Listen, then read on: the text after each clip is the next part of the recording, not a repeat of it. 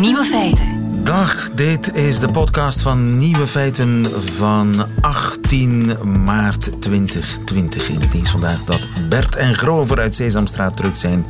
Cabaretier Paul Hanen maakt op zijn eigen digitale tv-kanaal Betty Asphalt TV in Nederland het programma Radio Oranje om mensen in deze akelige tijden een hart onder de riem te steken. En dus ook de kinderen. Ik heb een uh, Bert en Grover pop gekocht.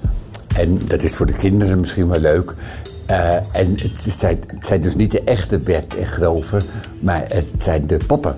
En omdat het niet de echte Bert en Grover zijn, ga ik proberen of ik de Bert-stem na kan doen. Dit is uh, Bert. Even kijken of het lukt. Of ik de Bert-stem na kan doen. Jij bent Bert, hè? Ja, ik ben Bert. En, uh, en ik vind het leuk om hier uh, uh, voor Betty Asphalt TV te zijn en om de kinderen toe te spreken. Misschien kan ik Grover. Wil jij even hier blijven zitten? Ja. Dan pak ik Grover even erbij. Tenminste, het is ook niet de echte Grover. Nee, ik ben niet de echte Ik ben niet de echte Grover.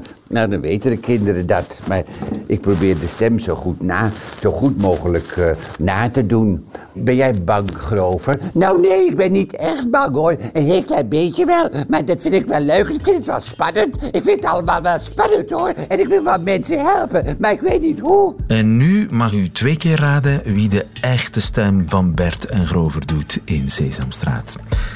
De nieuwe coronafeiten vandaag. Op Lesbos zitten 20.000 vluchtelingen opeengepakt. Wat als corona daar toeslaat? Mark Rutte, Emmanuel Macron en onze koning gaven alle drie een coronaspeech. Wie was de beste? Jode Porter geeft punten. Je kunt COVID-19 hebben zonder koorts. En Nederland gaat niet in lockdown om wat heet groepsimmuniteit op te bouwen. Is dat wel verstandig? Of is dat een gevaarlijke gok? Mark van Ranst weet het. De nieuwe feiten van Otto Jan Ham hoort u in zijn middagjournaal. Veel plezier. Nieuwe feiten. Radio 1. En terwijl u in uw eigen kot zit, dreigt op Lesbos een humanitaire ramp. Steven van de Vijver, goedemiddag. Goedemiddag. Je bent eh, huisarts in Amsterdam en vrijwilliger in vluchtelingenkamp Moria op Lesbos. Ja, klopt. Je, tenminste, uh, jij was dat, want jij bent onderweg naar huis. Precies, ja. Nee, de plicht roept ook uh, terug in, in Amsterdam.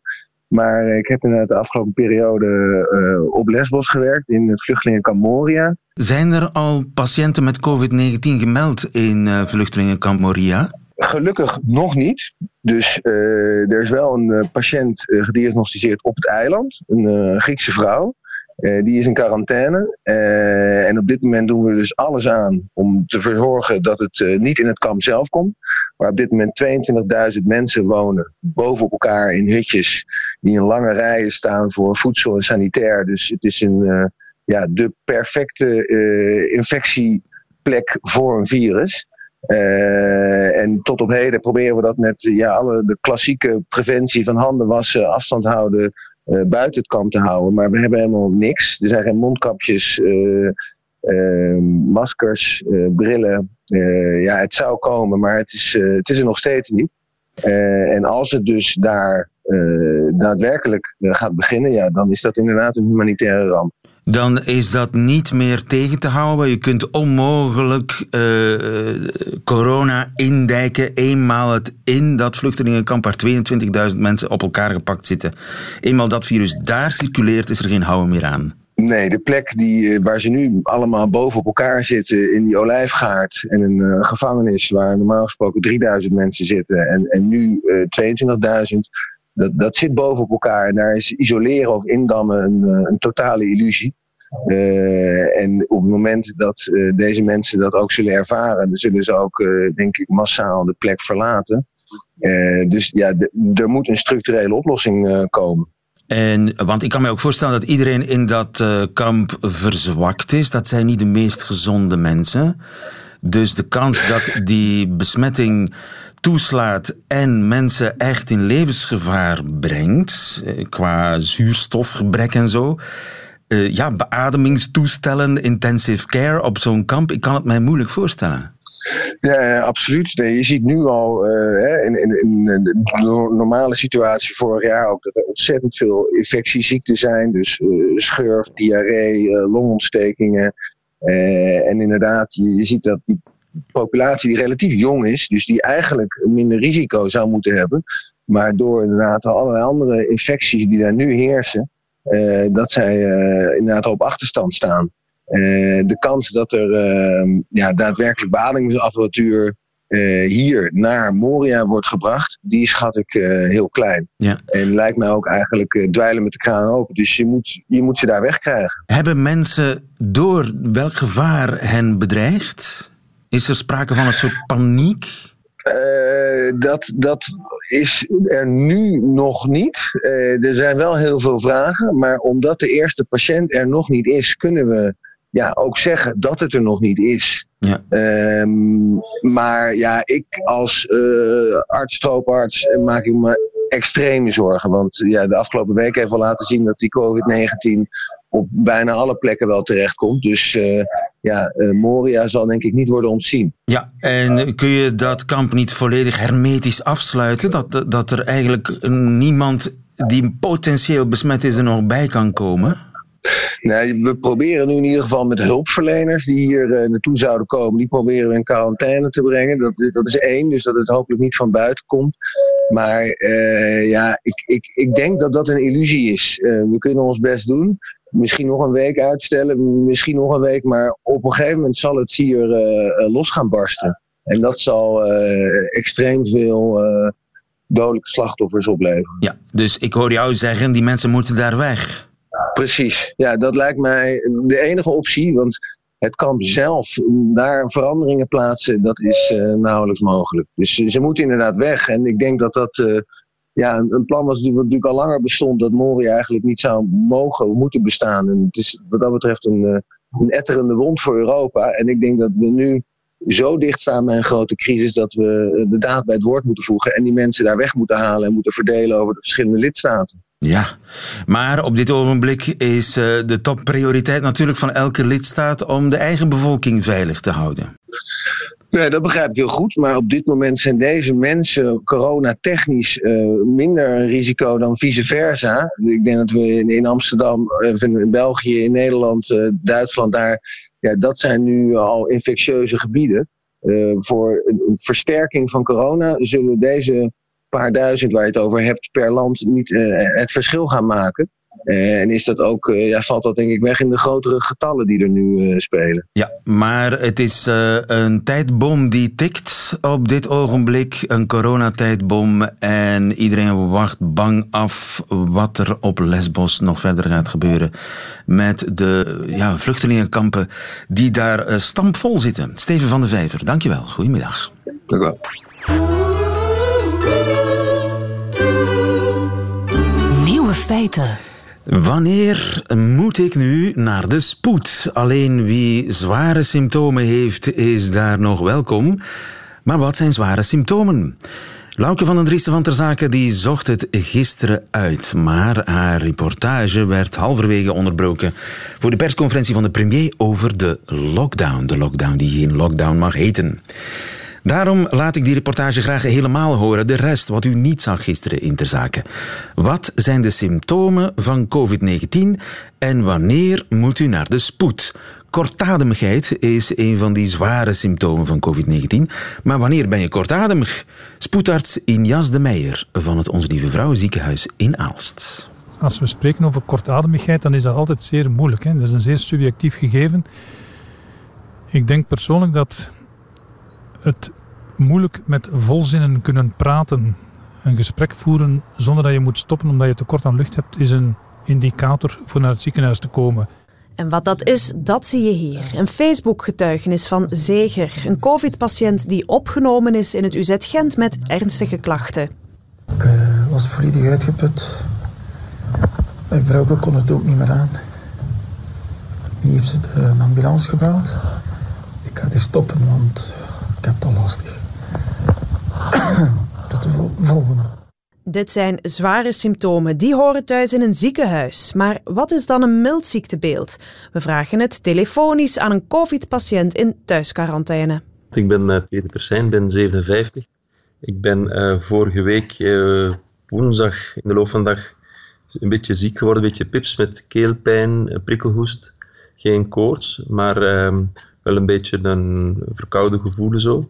En vanaf donderdag heeft hij dat doorgezet met uh, uitgesproken keelpijn, een diepe hoest en druk op de borst. En um, ben dan, omdat ik werkzaam ben in de ouderensector, ben verantwoordelijk voor, uh, eindverantwoordelijk voor een 120 woonzorgcentra in, in België. Ben ik zaterdag toch naar de spoedgevallen gegaan in Gastensberg en heb, heb ik me laten testen en dan bleek, hoewel ik geen koorts had, geen temperatuur had, dat ik toch uh, covid-positief was. Peter Persijn is zelf ook huisarts van opleiding. Hij beschrijft zijn eigen milde symptomen en ook die van collega's en vrienden die ook covid-positief zijn. Heel vaak is het een, bedrukkend gevoel op de borst met, uh, met spierpijnen op de rug. ja, nu moet ik toch hoesten. Hè. Wat dat verrassend is, dat die koorts niet altijd hoog is. Hè? Want er werd altijd gezegd dat het gaat gepaard met hoge koorts en een echt uh, zwaar griepgevoel. En dat blijkt bij velen niet het geval. En zeker ik heb twee adolescente dochters, die zijn allebei vorige week ziek geweest. Ik heb het wellicht van hen gekregen. Die hadden totaal geen koorts. Die hadden wel snotneus en een beetje, een beetje een keelpijn en, en zowel wat pips en wat verkouden, maar die hadden, we hebben dat regelmatig gecontroleerd, die hadden geen koorts. Dus dat is wel wat misleidend. Ehm, in het beeld wordt koorts bijna als obligaat voorgesteld, maar dat is zeker niet altijd het geval. Zeer onaangenaam, maar het kan vaak wel thuis uitgeziekt worden. Bovendien loop je met heel milde symptomen ook wel risico als je zomaar naar de spoed gaat. Naar de spoed komen wil zeggen heel veel tijdverlies, heel veel kosten voor de maatschappij. Ook weer het risico lopen van daar besmet te worden. Want als je binnenkomt ben je niet zeker dat je besmet bent. Maar er zitten zeker en vast mensen die besmet zijn. Het ordewoord blijft dat mensen hun huisarts uh, contacteren. De meeste Vlamingen hebben een huisarts, hebben ook een medisch dossier bij die huisarts.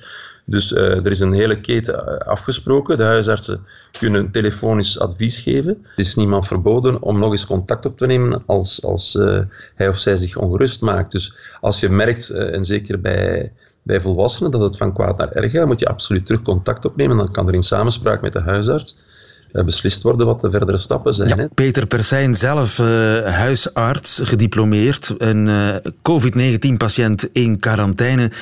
Met een uh, toch wel indringend verhaal. Hij heeft geen koorts en toch corona. En heeft een dringende oproep dat je niet zomaar naar de spoed kan gaan. Altijd in overleg met je huisarts die je dan belt. Ga niet in wachtzalen zitten die misschien vol met mensen zitten met corona. Dat is de goede raad van Peter Persijn. Radio 1. Nieuwe feiten. Lieven van den Houten. Even terugspoelen naar maandagavond.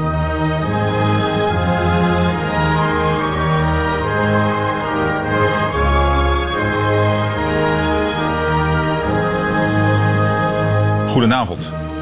Het coronavirus houdt ons land in de greep. Ons en de rest van de wereld.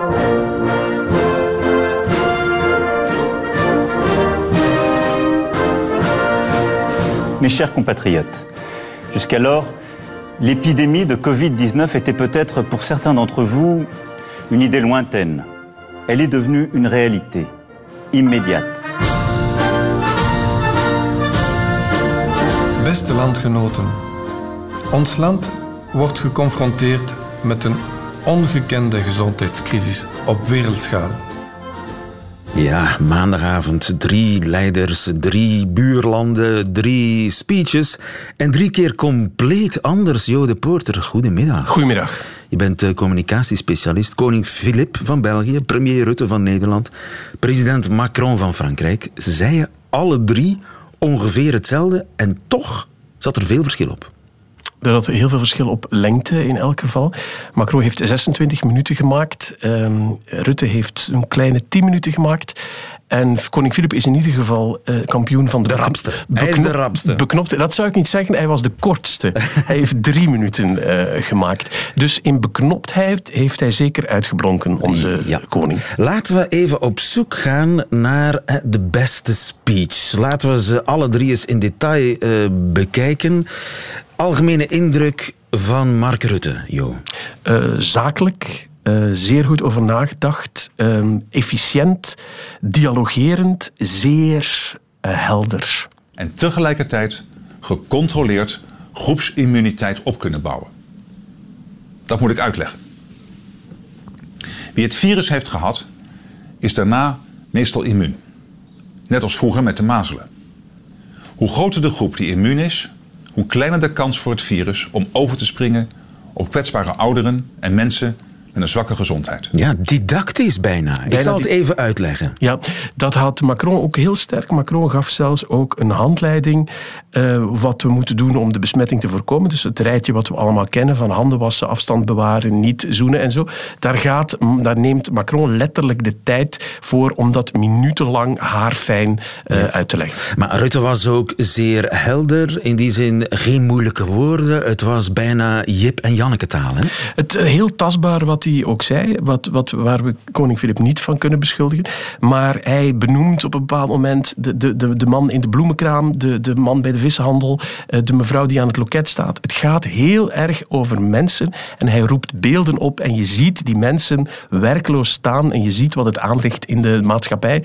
Dat is eh, heel goed gedaan. Ja, en hij was op een gegeven moment zelfs, ja, eh, hoe zou ik zeggen, emotioneel lyrisch. Dit is een tijd waarin we elkaar moeten vinden over meningsverschillen en tegenstellingen heen.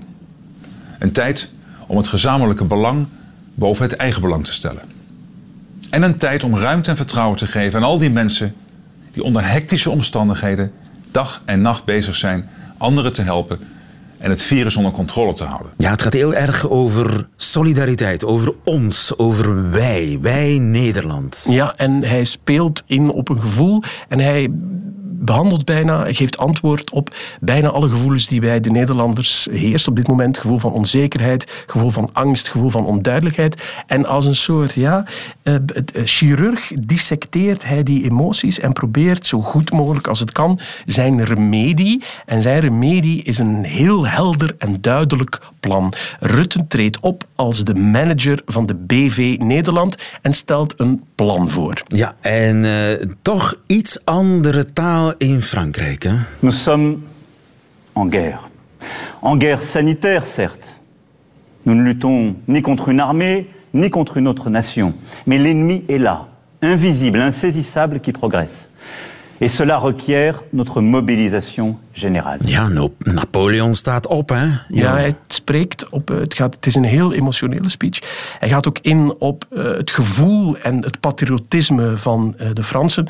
Op het einde, hij besluit zijn speech ook met uh, Vive la République, vive la France. en hij appelleert heel erg op het gevoel van dat de Fransen en bij uitbreiding de Europeanen, want hij heeft het ook heel vaak over de Europeanen, een uitzonderlijk soort mensen zijn die al heel veel tegenstand en heel veel problemen overwonnen hebben. En dat het net die kracht uh, zal zijn waaruit we moeten putten om samen uh, te strijden te trekken tegen het coronavirus. Ja, iets minder wij, iets minder ons, maar meer ik als generaal, ik als eh, Napoleon tussen aanhalingstekens. De leider. De leider die ons door deze zware crisis uh, gaat leiden. Nous serons plus forts moralement.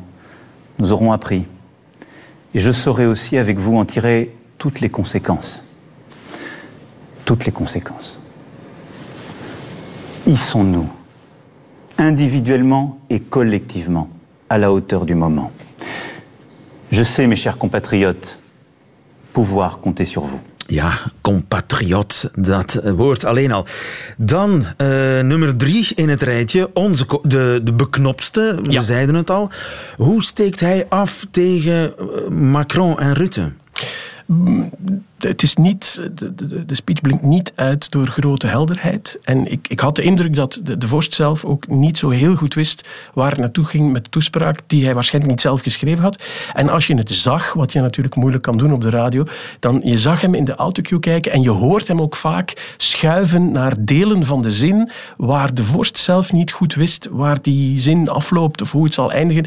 Je voelt heel veel onzekerheid in de tekst en een boodschap die nog een plan voorlegt nog echt grote hoop biedt. Ja, want hij begon over overheden. De overheden hebben hun verantwoordelijkheid genomen en drastische maatregelen getroffen die een grote impact hebben op ons dagelijks leven. Ja, dat is wel een heel groot verschil. Hè? De andere leiders hadden het over ons en over ik en jullie en wij samen. Ja.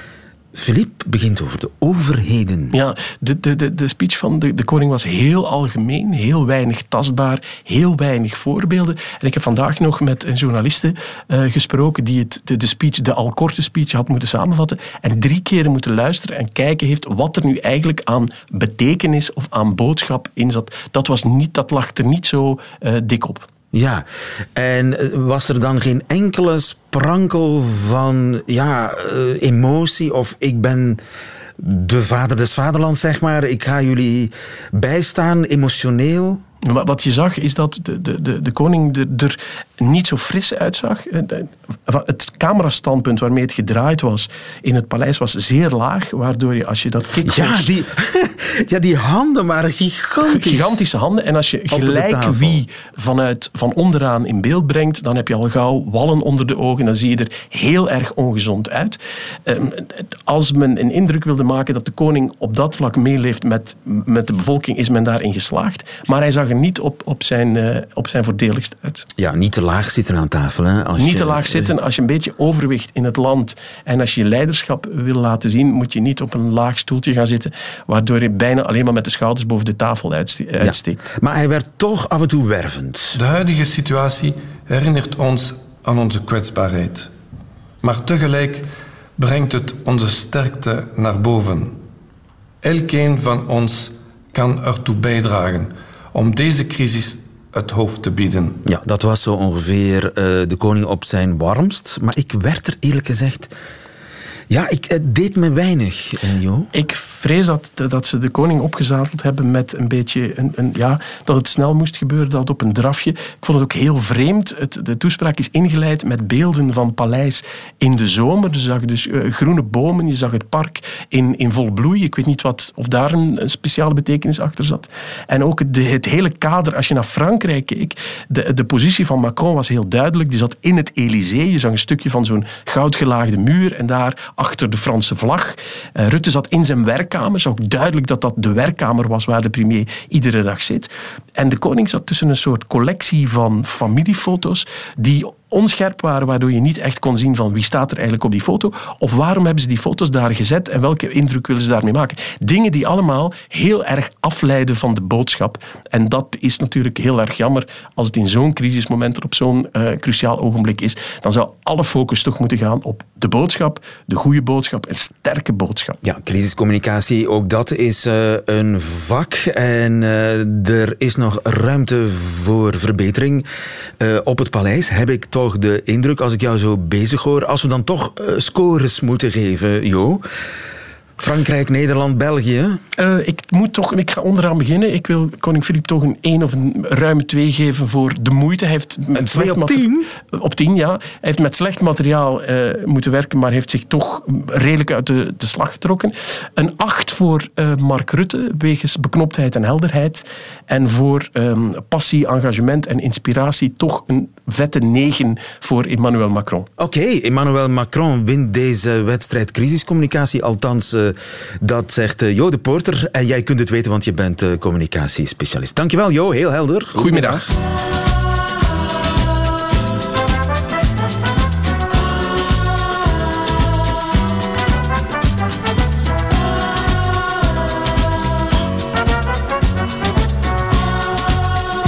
Nieuwe feiten. Goedemiddag, Mark van Ranst. Goedemiddag. Uh, Even, want ik ga, ik ga het met jou hebben over de groepsimmuniteit. Dat is een omstreden uh, term. Maar over de opstoot van creativiteit gesproken, heeft u dit al gehoord? Ik zie enkel maar van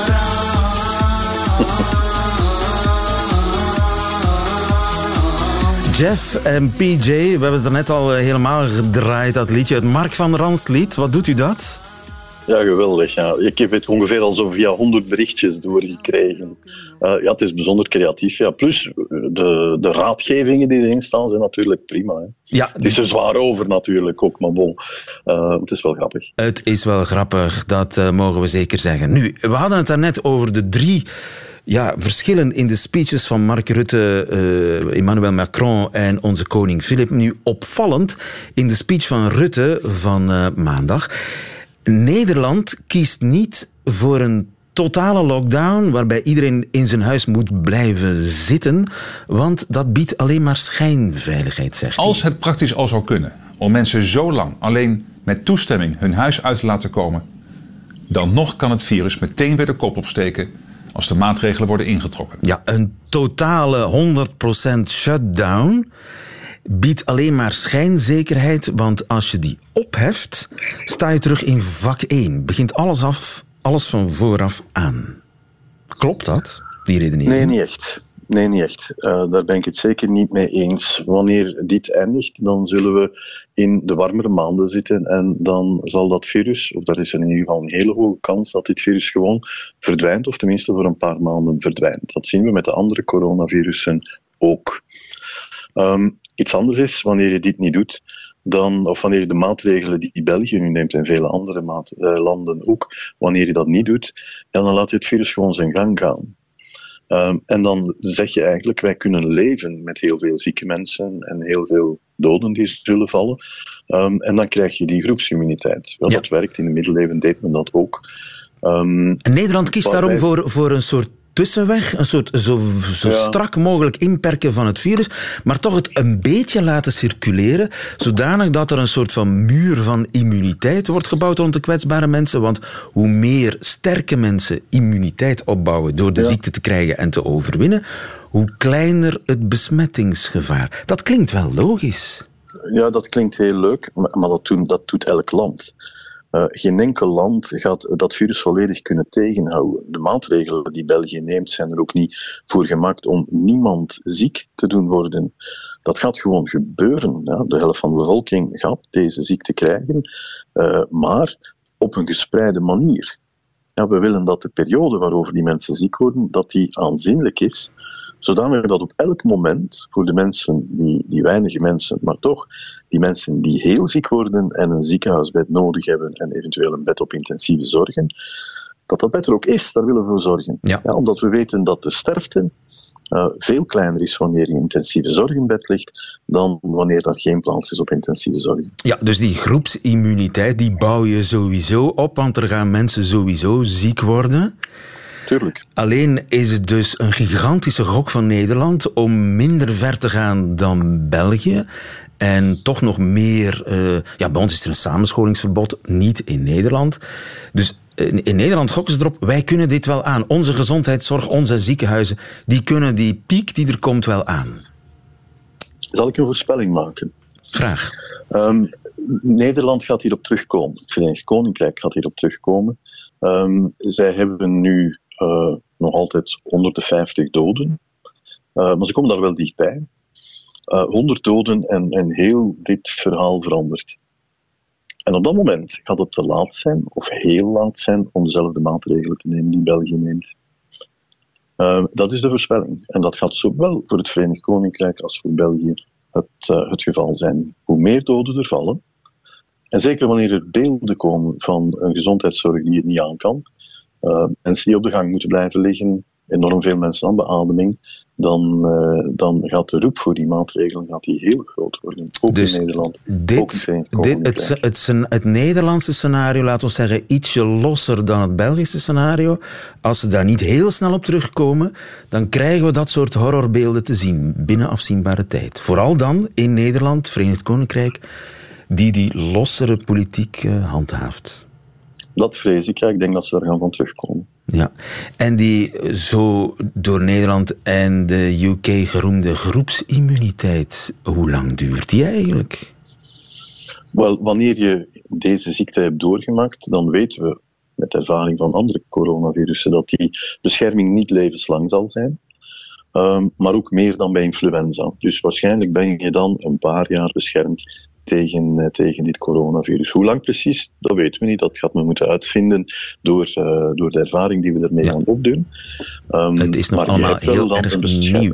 En ik kan me ook voorstellen, als, als, hoe langer we de, ja, de piek kunnen uitstellen, ja, hoe groter de kans dat er uh, wetenschappelijk, uh, medisch, meer mogelijkheden komen. Hoe groter de kans dat we snellere, betere testen hebben. Hoe groter de kans dat het het vaccin er al is. Want er, zijn, er lopen al, de eerste trials lopen al. Die lopen al, maar dan duurt het nog een jaar vooraleer dat je daar miljoenen dosissen van kan maken.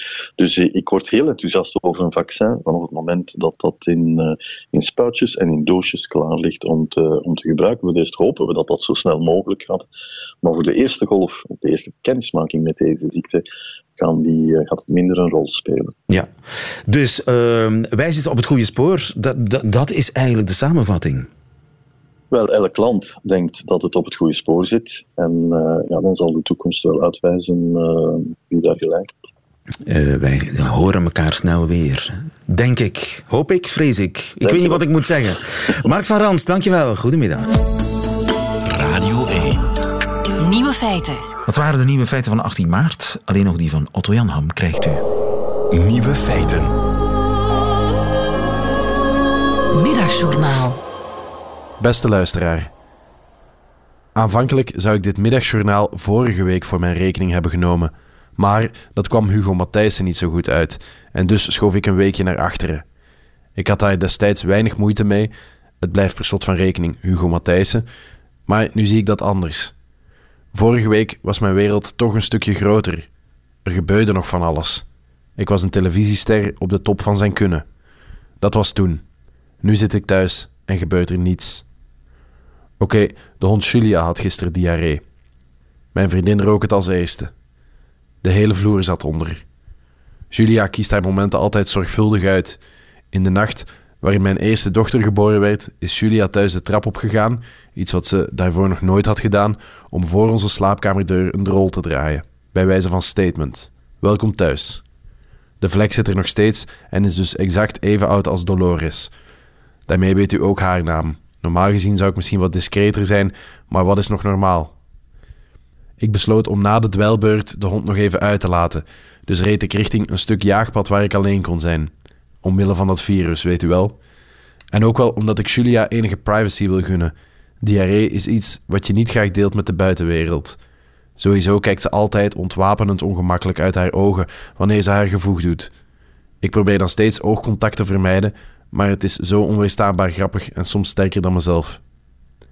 Vanuit het niets kwamen er plots een paar honden op ons afgestormd, achterna gewandeld door een bende vrolijke zestigers die schouder aan schouder van het goede weer genoten. Is hij gevaarlijk? riepen ze. Nee, ze is niet gevaarlijk, antwoordde ik giftig, maar ze heeft wel diarree, dus kijk maar uit dat jullie het ook niet krijgen. Diarree is geen lachertje, zeker gezien de toiletpapierschaarste. Ik denk dat een van de dames mij herkend had en ik zag ze van de weeromstuit besluiten dat ze me op tv een stuk sympathieker vond dan in het echt. Mijn filantropie wordt deze dagen wat op de proef gesteld en die was er al zo slecht aan toe. Maar er is ook goed nieuws. Ik heb mijn dochter van zes geleid hoe ze koffie voor mij en haar moeder moet zetten. Dat daar een pandemie voor nodig was, had ik nooit durven denken. Ik heb ze ook beloofd dat ik ga uitleggen wie Freddie Mercury was, want ze zijn sinds enkele dagen nogal wild van de clip van I Want to Break Free. Nadat ik Freddie Mercury heb behandeld, ga ik uitleggen waarom John Deacon eigenlijk zo'n onderschatte, maar toch essentiële schakel voor het succes van Queen is geweest. Ben mag gerust zijn, onderwijs gaat hier onverminderd voort.